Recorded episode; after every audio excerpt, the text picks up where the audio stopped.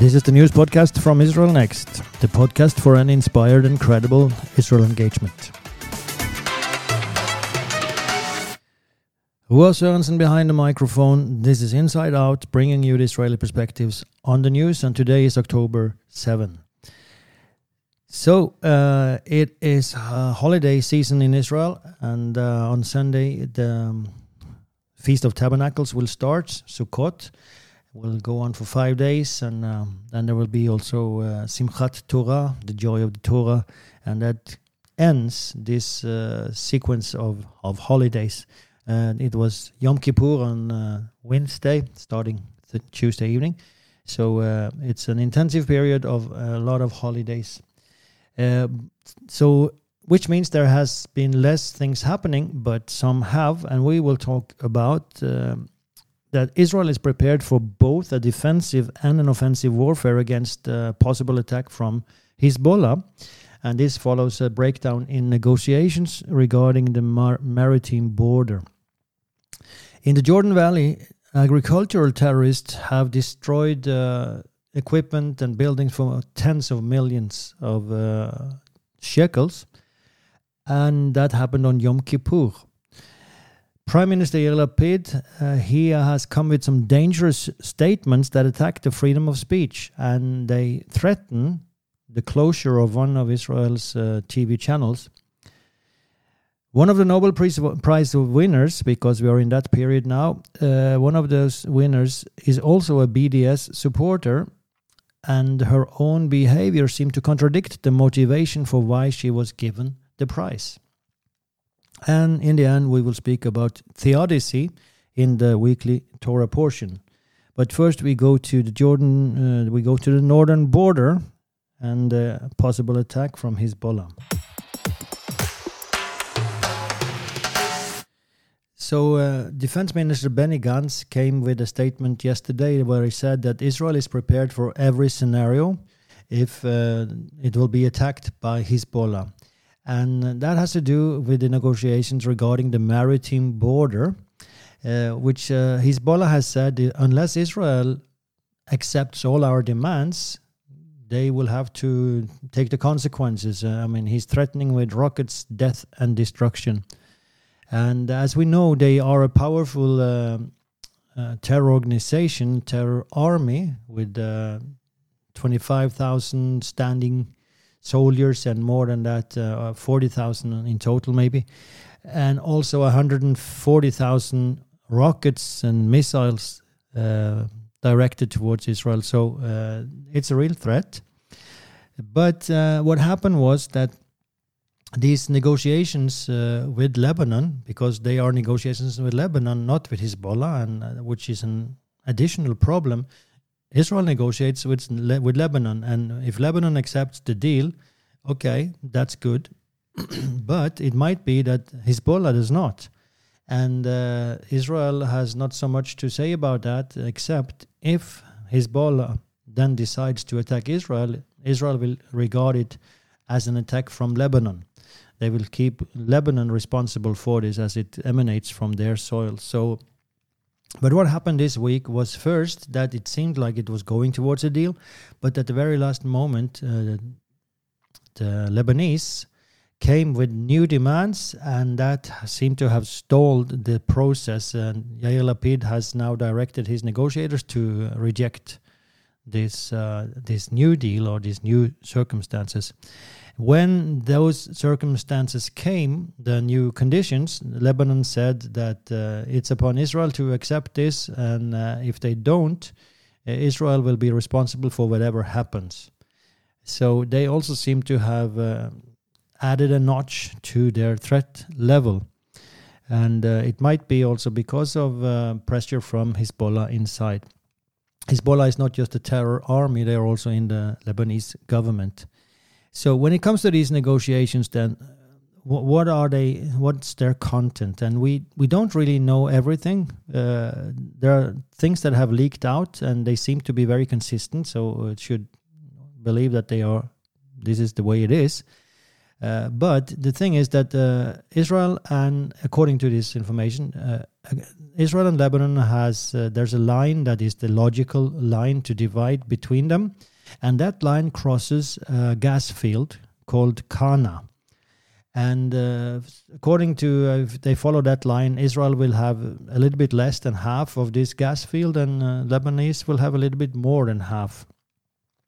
So what Lebanon has said they want to do is uh, to include all of that gas field on the Lebanese side, meaning this uh, line will not go straight, but it will have to make a turn down south and then up again on the other side uh, and cutting into what should be Israeli territory. In uh, compensation for that, at least that was the original plan, Israel will get revenues from the gas that will be drilled and, and uh, taken up from there by a French company. So Israel will negotiate with a French company regarding uh, the percentage that Israel will get for this gas. But now the Lebanese government came with new demands and said, no, we do not accept uh, this kind of negotiations. We want to have a veto right on that. And also, we do not want this line that will be decided to be a recognized border because that's what Israel want. They want to end dispute about these things. So, uh, and Lebanon says, no, we don't want this to be a recognized border they they really don't uh, want to negotiate with Israel at all because they don't recognize Israel. But in order to get a hold of the gas, they kind of have to. So anyway, uh, with these new conditions, uh, Israel rejected the deal, and right now the negotiator Amos Hochstein, he's from the U.S. He is uh, trying to convince the Lebanese to uh, backtrack on these new conditions the pressure so far has been on Israel because Joe Biden, the president of the US, has put a lot of pressure on Israel to accept the terms coming from Lebanon uh, because the US desperately want this deal, probably to uh, help uh, ease gas deliverance to Europe uh, following Russia's blockade of their their gas to Europe. So uh, I mean that, that that's one of the answers, at least, why the U.S. is, is so keen on this. Now, this field that we are talking about, the Kana field, there will come no gas to Europe from there the next five years. It will take time to develop it. But the thing is that there is another gas field south of this line that is inside Israel, according to all uh, players involved, uh, the Karish gas field and Israel is now developing this and trying to. Uh, they will start very soon extracting gas from it. But Hezbollah has said that Israel will not be allowed to extract that gas until there is a deal with Lebanon and until that deal is according to the Lebanese demands. So, um, if they start extracting gas from the Karish field, uh, they uh, will be attacked by Hezbollah. And Israel was supposed to have started already, but there has been some delay. They say it's for technical reasons, but the question is is this really because of Hezbollah threats?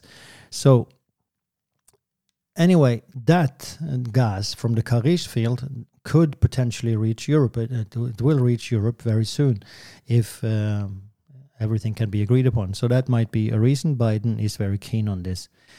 Anyway, um, the debate in Israel this week has been, between the holidays and everything, uh, has been does this government have the authority to make a decision regarding the international border of Israel? Because that's what it is. And uh, the opposition says, of course, they don't. Uh, this is a transitional government. They have lost the, the confidence of the people. We are going towards election and this is in any way it's a decision for the Knesset, the parliament, not for the government. The government takes the opposite uh, position and says, "No, uh, we believe this is our decision to make, but we will uh, ask for advice from the um, the legal advisor of the gov- of the government." So they were waiting for this advice to come, and in the meantime, the Lebanese came with their new demands, and the deal was off. So uh, that's as, far as it has come. Just also say that the previous prime minister, who is now like the assistant prime minister, or yeah, Naftali Bennett, he uh, he has a veto right in this, and uh, he belongs to the right wing of Israeli politics. And uh, when he got to see the the new deal before the new conditions, he said, "This is not the deal that I approved." So it might be that even this government would not be able to uh, decide to agree on this uh, deal. Anyway, it's irrelevant now because of the new Lebanese demands. So we will see what happens here, but Israel is on the highest alert along its northern border because of this threat, and, and uh, both from Hezbollah and also from Lebanon, that if Israel rejects this deal, they will have to carry the consequences. So, uh, highest alert on the northern border.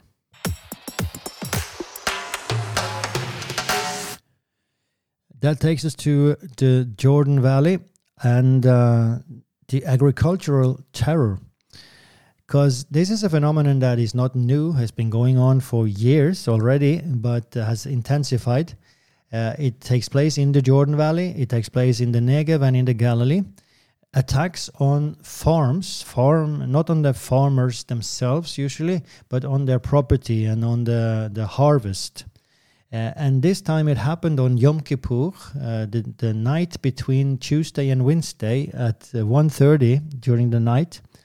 Terrorists uh, entered uh, the Meshek Dor, it's a farm laying in the Jordan Valley in Mechula, and they put fire on a huge storage building.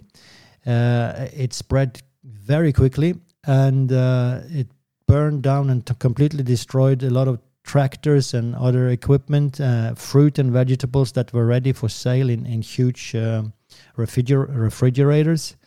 Uh, so uh, there was an interview with uh, the son because this was a farm run by father and son.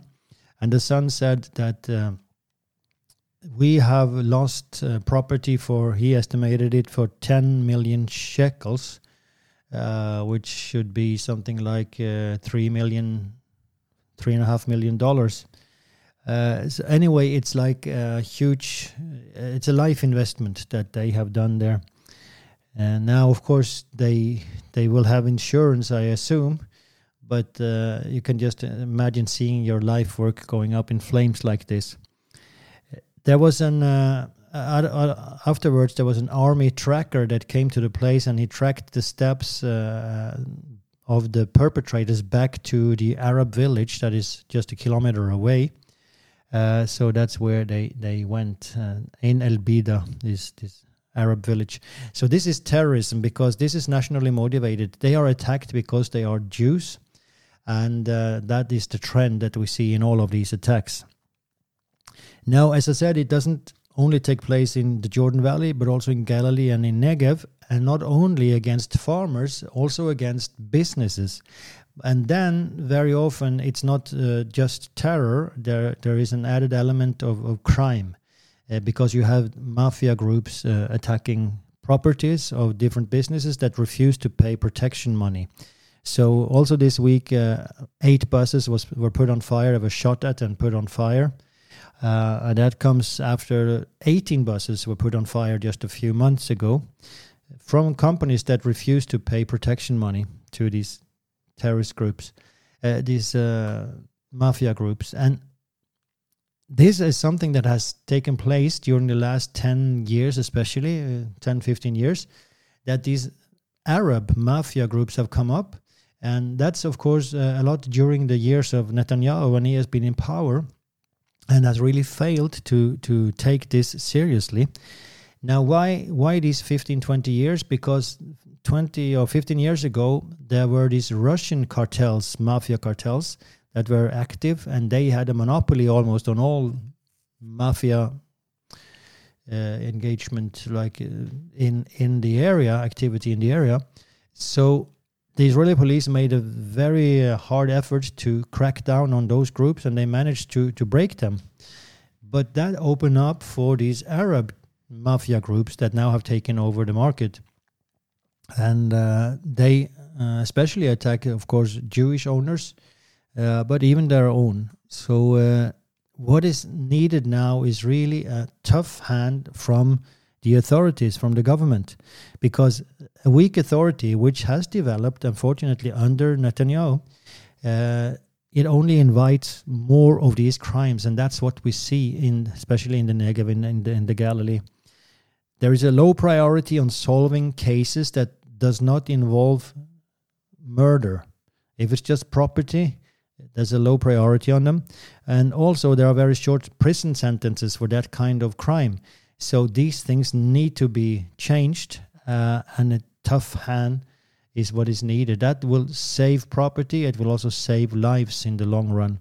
So we really hope that um, whoever is going to sit at the home uh, after these elections will continue to deal with this because the, this government under Naftali Bennett they started really to take this seriously and uh, huge efforts have been invested but much more is needed.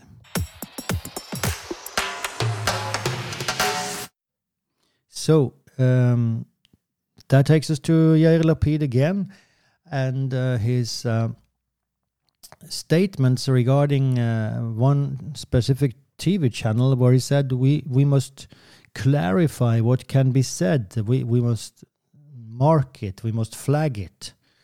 Uh, what can be said. Uh, it cannot be election propaganda. That's what he said, and he was referring to uh, Channel 14 uh, which uh, is of course uh, interesting because that's the only channel that um, belongs or like has a right wing view. In Israel, there are three main TV channels, and these are the big ones. It's channel 11, 12, and 13, and they are both center left. Um, some of them more left than others, but they are center left 80% of everybody that works there are belong to that uh, political ideology. They also have representative from the Israeli right, but uh, they, of course, are in huge minority. Now, Channel 14 is from the Israeli right, um, and unfortunately, the last few months they have becoming more and more right and excluding the few voices that they had from the left. Uh, and so they also have become more exclusive and they have become more Bibi Netanyahu, Benjamin Netanyahu fans. I mean, if if if you want to get a job there today, you have to be a Benjamin Netanyahu supporter. That, that, that's problematic. So, uh, but anyway, when the prime minister says what he says, that we should flag these statements, that's that's dangerous because that might mean that in the next instance the authorities will not give a license to this channel. And so uh, the channel 14 itself has started a campaign uh, that they call davka achshav uh, hard to translate but uh, why right now davka right now why so uh, that is the, the campaign where they ask people to sign a petition that we will not be silenced and around 100,000 persons have already signed that petition, and I would happily sign it too, uh, because uh, even though they are a problematic voice as well, uh, all these voices must be heard. It's sad that there is no channel that really can can um, give the entire specter of views and does and do so in a fair way, uh, because uh, there are, might be more than two sides to to the story, and just not not just right and left, but there might be more ideas out there. And uh, it's sad that there's it's not possible to keep like a sound dialogue where everyone can speak to to the end, and uh, without entering into polemics and and uh, personal attacks and all these things. Um, this is a problem not only in Israel; it's also in the entire Western world uh, where we try to censor uh, each other, or especially this is a phenomenon from the left. They try to censor the right, and they call hate speech. Uh, everything is hate speech, and everything is uh, like not acceptable. Uh, not everything, but but more and more. And this is also a problem in Israel. So what we really need is sound debates where you can discuss the essence of things and not just the adiaphora, the, the things in the on the Frenches. Um, okay, that's uh, that about Channel 14. Uh, there's little chance that uh, Channel 14 will be closed down. It's not the decision of the Prime Minister to, to take.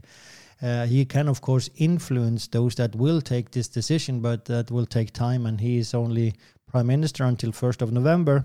Well, sometime after, until a new government has been formed, but he will probably not be the one that forms the new government. So, Channel 14 is not likely to be closed down but uh, it's good that focus is put on this, and uh, it's just sad that uh, it's so hard to lead a sound debate.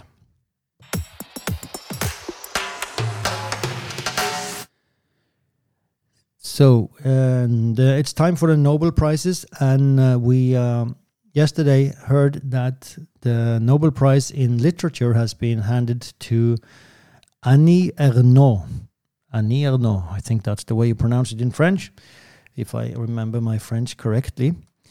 Uh, and uh, so she uh, was born 1940. She has a long career behind her, and uh, she received her the prize in literature be- because of, and here is the motivation that the Nobel Committee gave, because of the courage and clinical acuity with which she uncovers the roots estrangements, and collective restraints of personal memory. And of course, this is a, a huge words to, to grasp in a second. But uh, what she deals with is the restraints of personal memory, uh, and she uncovers the roots and the estrangements and the collective restraints of this memory, personal memory. Okay, uh, now let's. Why is uh, she interesting? Why am I talking about her? Well, uh, she is also a BDS supporter. Uh, BDS standing for Boycott, Divest, and Sanction, uh, and of course, a movement directed towards Israel. In 2019, uh, Annie Ernaux signed a petition calling for boycotting Eurovision in Israel. And the petition that she signed said, among other things, that from the 14th to the 18th of May,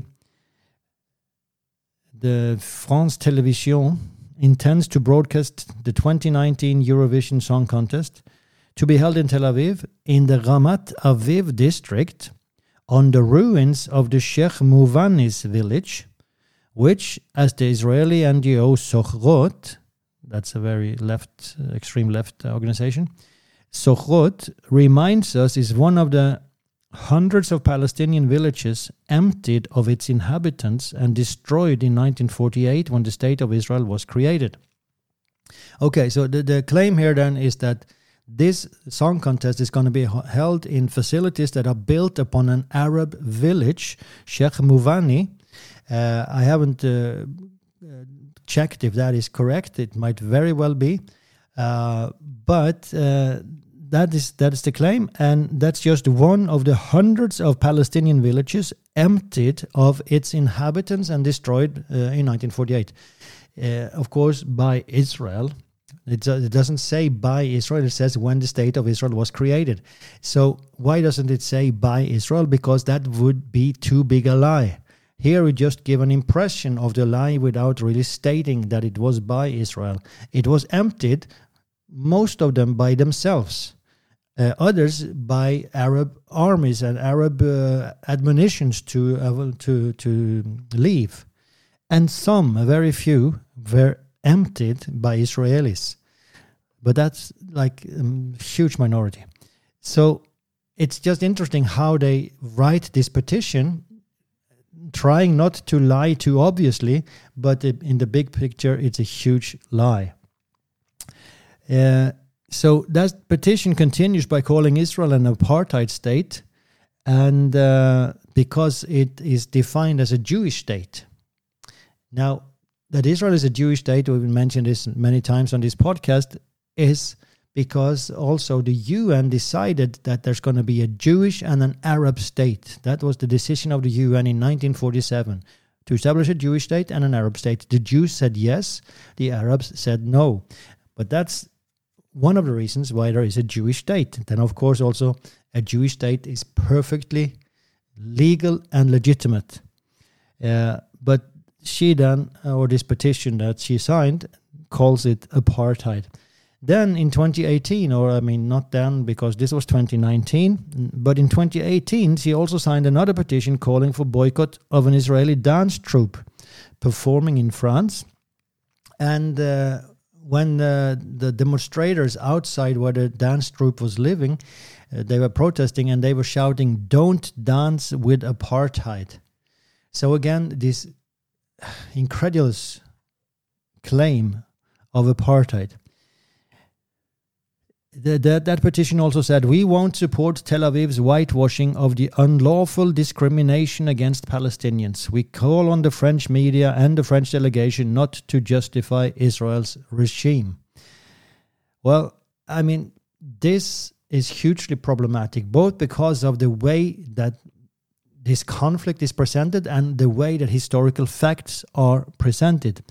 And when we see how lost Annie Ernaux is in understanding this conflict and understanding basic historic facts, getting them right, then we might say that Ernaux should make a deeper study on the restraints and limitations of personal memory. Because that's what she that's why she got her Nobel Prize in the first place. But it seems like the restraints on her own memory, and maybe if she relies on the memory of others, also need to be uh, to be uh, looked uh, into even more. So make a deeper study of those things as well as study the construction and invention of both personal and collective memory for for political purposes because that's what we are talking about here uh, when when they talk about these villages having been emptied they have constructed a collective memory for political purposes. And these European uh, supporters of the BDS, they are just parroting this constructed, in, innov- in, uh, it's innovated, it's um, invented idea that Israel was the one that emptied these. You know, there would be no refugees and no abandoned Arab villages at all if the Arabs haven't decided to go to war. It wasn't Israel that decided to go to war. Israel accepted the partition proposal, but the Arabs decided to go to war, and that's when these things happen. So, uh, this motivation that she got uh, because uh, um, why why she wrote her book about collective memory, what what is a personal memory. Um, she might need to do a little more study when it comes to her support for the BDS. It's not based on sound arguments.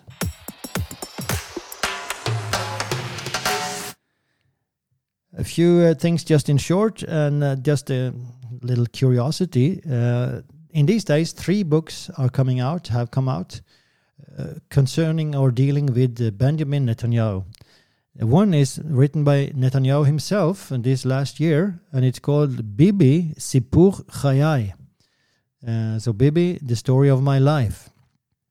Then there is another one that's also called Sipur Bibi, the story of Bibi, and there is one called Sofen Sofen Netanyahu, the Netanyahu Compass. So it's just interesting that uh, there's such a focus on this person, or it's not weird because these last uh, three years there have been five elections, or it's going to be the fifth now, that are based on the controversy surrounding Benjamin Netanyahu. So maybe it's not so strange that these books are coming out now. And of course, uh, books have already come out. Uh, I have two books in my shelf here that came just a few years ago. So uh, there's a lot of books about Benjamin Netanyahu. Um, that takes us to uh, the latest poll. And in those latest poll this week, uh, we see that the right wing uh, they do have some progress, and now they are able. Uh, they have a majority in the Knesset. If uh, elections would be today, they would have either 61 mandates or 62 out of the 120. Uh, and um, Likud would have 32 mandates, and the largest opposition party is uh, Yesh Atid, they would have 23. Uh, and then there are some minor differences between, but religious Zionism in one of these uh, polls got 14 mandates, which is very much. It got 12 in another, so it's uh, it's different.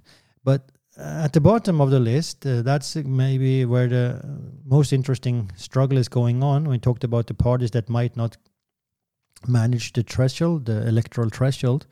We talked about Labour and Meretz, and both of them they manage, uh, which is kind of uh, expected that they will. Both of them got five mandates.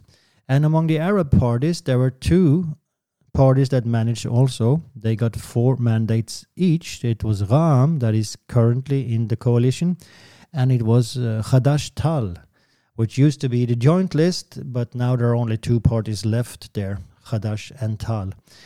Uh, so they also got four mandates. And then the party that left the joint list now, before this election, that was Balad, and they do not make it. Uh, when it comes to the party Habayit Yehudi, uh, which is led by Ayelet Shaked, uh, they did not make it either, but they are increasing their support. So right now they have 2.5%. Uh, they need 3.25. So uh, it's a little way up, but they are uh, going upwards. And uh, the the funny thing is, of course, that they are opposed by Netanyahu. Even though if they would make it, they would secure a majority for the right wing. Uh, so, but there's a lot of uh, personal personal relations behind that struggle there. Anyway, that's the latest polls. And we come to Parashat Hashavua, the weekly Torah portion, which is Ha'azinu, and it's basically chapter 32 of Deuteronomy. That's what it is. Chapter 32, uh, verses 1 to 52. And this, uh, the summary of this chapter is uh, really like it's a song or a poem of Moses, and it deals with uh, theodicy, meaning God is judging and God's righteous judgment and how can God be a righteous judge in uh, the midst of all this evil? And how come that bad thing happens to good people and good things happen to bad people and so on? So that's the the song itself, what it deals with, and then at the end, uh, at the end of the song, it's written that God asked Moses to go up to Mount Nebo and to look into the promised land. So um, the commentators then they are speaking about this thing called theodicy, God's righteous judgment, and uh, Judaism. One commentator holds um, says that it is because of us uh, that there is evil in the world. It's our fault. It's not God, God's fault that there is evil. It's ours because God created a good world, and we see this in Genesis that God uh, created everything, and He saw it was good. It says so many times He saw that it was good. Uh, and if we go to this week's Torah portion, we can also see in uh, chapter 32, verse 4, it says like this He is the rock, His work is perfect, for all His ways are justice. A God of truth and without injustice, righteous and upright is He. So it's very clear there is one that is just, there is one that is good, and it's God.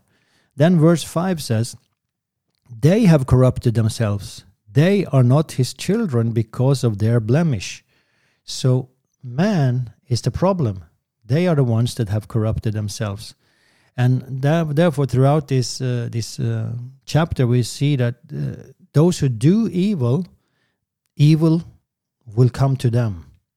It's much like the, the sowing and reaping that we also see in the New Testament. Then we come also to verse 15, which is an interesting verse, and it says like this But Yeshurun grew fat and kicked. You grew fat, you grew thick, you are obese. Then he forsook God who made him, and scornfully esteemed the rock of his salvation evil comes upon us not because of some evil force. No, well, sorry, that, that's that's my comment here. Uh, so it ends with then scornfully esteemed the rock of his salvation. So uh, Yeshurun, the name here, is interesting because it's mentioned only four times in the Bible. This this name, and it's another name for Israel. Uh, and there are different opinions of what it means, but it's it's found here and two more times in the next in this and the next chapter. and then it's found also in uh, Isaiah. I think it was Isaiah 44. Um, but only four times in the Bible. And what does it mean? Well, first of all, uh, it's very similar to Israel, Yeshurun. It doesn't sound very similar, but when you look at the Hebrew letters, it's almost uh, it's very similar. Uh, but it comes from the word yashar, which means straight. You could say upright. Uh, and it's interesting that in this instance, that name is used for Israel, that you who are supposed to be straight, who know how to be straight because uh, God has given you the laws, you are the one that grew fat and grew thick and abandoned God and scornfully esteemed the rock of your salvation. So uh, here we see the irony uh, in that name.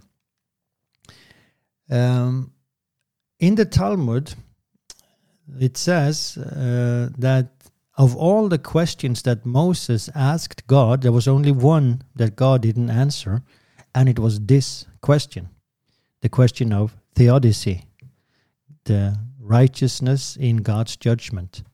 So uh, it's interesting because this is really a huge question throughout all generations. We see it many times in the Bible. Uh, should not the judge of all all the earth do justice? We have the prophets like uh, going to God and, and accusing him almost. Shouldn't you do justice? Abraham the same and Moses. Uh, and then throughout all the centuries and all the generations, this question has come up in the book of Job, of course. And according to this commentator, the, the closest we get to an answer in the Bible is Psalm 92. And we go to verse 7. When the wicked spring up like grass, and when all the workers of iniquity flourish, it is that they may be destroyed forever. And then he contrasts he contrasts this with verse 13. The righteous shall flourish like a palm tree, he shall grow like a cedar in Lebanon. So the wicked spring up like grass. And what is grass? Well, it, it grows very fast. Uh, it's like, like it says uh, in the New Testament, it uh, stands one day and the next day it's thrown into the oven. Uh, so it grows very fast at, and it withers very fast. Whereas uh, the righteous shall flourish like a palm tree and a palm tree, it really takes time, or like the cedar in Lebanon. It takes time for it to grow up. And when it stands, it stands for a long time, it stands firm, and, and so on. So there's a huge difference between the grass and the cedar tree or the palm tree. And that connects with what Martin Luther King said because we speak about righteous uh, and, and how the righteous will prevail in the long run. And he says the following uh, Martin Luther King Jr. The arc of the moral universe is long, but it bends towards justice. In other words, it might take time, but justice will come. It bends towards justice. Maybe we don't see it in all instances always, but it bends towards justice. So, uh, and that's uh, not an ideal solution for because we very often we want immediate justice. If somebody harms you, you want immediate justice. Well, you should be happy that that it's not the way things work because we also do mistakes and we we uh, sin and stuff. And if if justice would come immediately, there wouldn't be many left on this earth. Uh, because it takes time for man to realize that he has sinned, he has made mistakes, he has done something wrong. It takes time for us to to uh, let that go in and then ask for forgiveness. So uh, we we should be grateful that justice is not immediate. Uh, and uh, this commentator then gives us three options for if this was not the case, if, like um, Martin Luther King says, the arc of the moral universe is long, but it bends towards justice. If it wasn't like this, what would be the alternatives? Uh, well, one alternative would be that life is meaningless, history is meaningless, what you do is meaningless. It's just a Darwinian struggle where the survival of the fittest.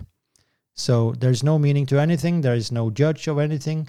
Uh, the strongest survive. That could be one option, and it's of course intolerable, both from a human perspective and of course from a biblical perspective. That's not what the Bible says. The second option could be that evil comes from an external force only, meaning like Satan. Uh, and uh, of course, there is some truth to this, but even the Bible, I mean, the Bible doesn't say that all evil comes from from this uh, source. It says that we are a man are have a potential to choose good or evil. It's it's within our power. So, uh, what like we saw in the beginning, man chose; they corrupted themselves. Uh, but as the Bible says, there is sin waiting at the door, but you should rule over it. So that is a possibility to rule over the evil, to rule over the um, the bad things. So that's uh, that's one thing. Evil does not only come from an external force. We have we have a say. And uh, a third option is that justice is only in the world to come. That's the place where justice will be handed out. And there is truth to that. Ultimate justice will only be there. But it will also be here. If that was the case, that all justice would be handed out there and, and not there, not here, there would be no incentive to live righteously, to to do righteous uh, and to seek righteousness, like the Bible says that we should do. We should seek righteous uh, living and, and in ourselves and in others should do what is right. Uh, because it is possible, there is also a certain judgment here on earth. You will get what you reap, you will sow what you reap. So, um, of all these options, then, the one that is in effect in the world today, where the arc of moral bends towards justice, but it does take time, that is the best solution. We just have to live with the dilemma that good things happen to bad people and bad things happen to good people. But we should anyway strive to do good. Like it says also in the New Testament, strive to do good to all. Uh, and knowing that this is what is expected of us. I mean, we are expected by God to do good and we are capable of doing it. You should not let sin rule over you. Uh, and then, of course, we have the knowledge that, that ultimately the judge of the world, of the entire world, will come and he will put everything in its right place. But in the meantime, we are living in a time of grace. So let's make good use of it and also let's make sure that others make use of it.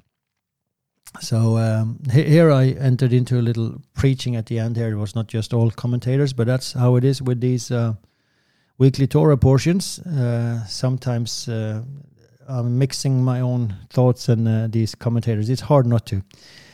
Anyway, that's it for this time, and um, just want to remind you that if you want to support this work, you are very we are very happy if you would. Uh, you could either use Vipps if uh, if you know what that is, and uh, if you're abroad, you probably don't have that possibility. Or you could go to our website uh, israelnext.com and you'll find give there. And also, please pray for us and please uh, spread the news about this podcast if it helps you. So that takes us to the end of uh, this podcast, and we will end as usual with a priestly blessing. יברכך אדוני וישמרך. יאר אדוני פניו אליך ויחונקה. יישא אדוני פניו אליך וישם לך שלום. Amen. Thank you so much for listening. Until next time, say something good about Israel.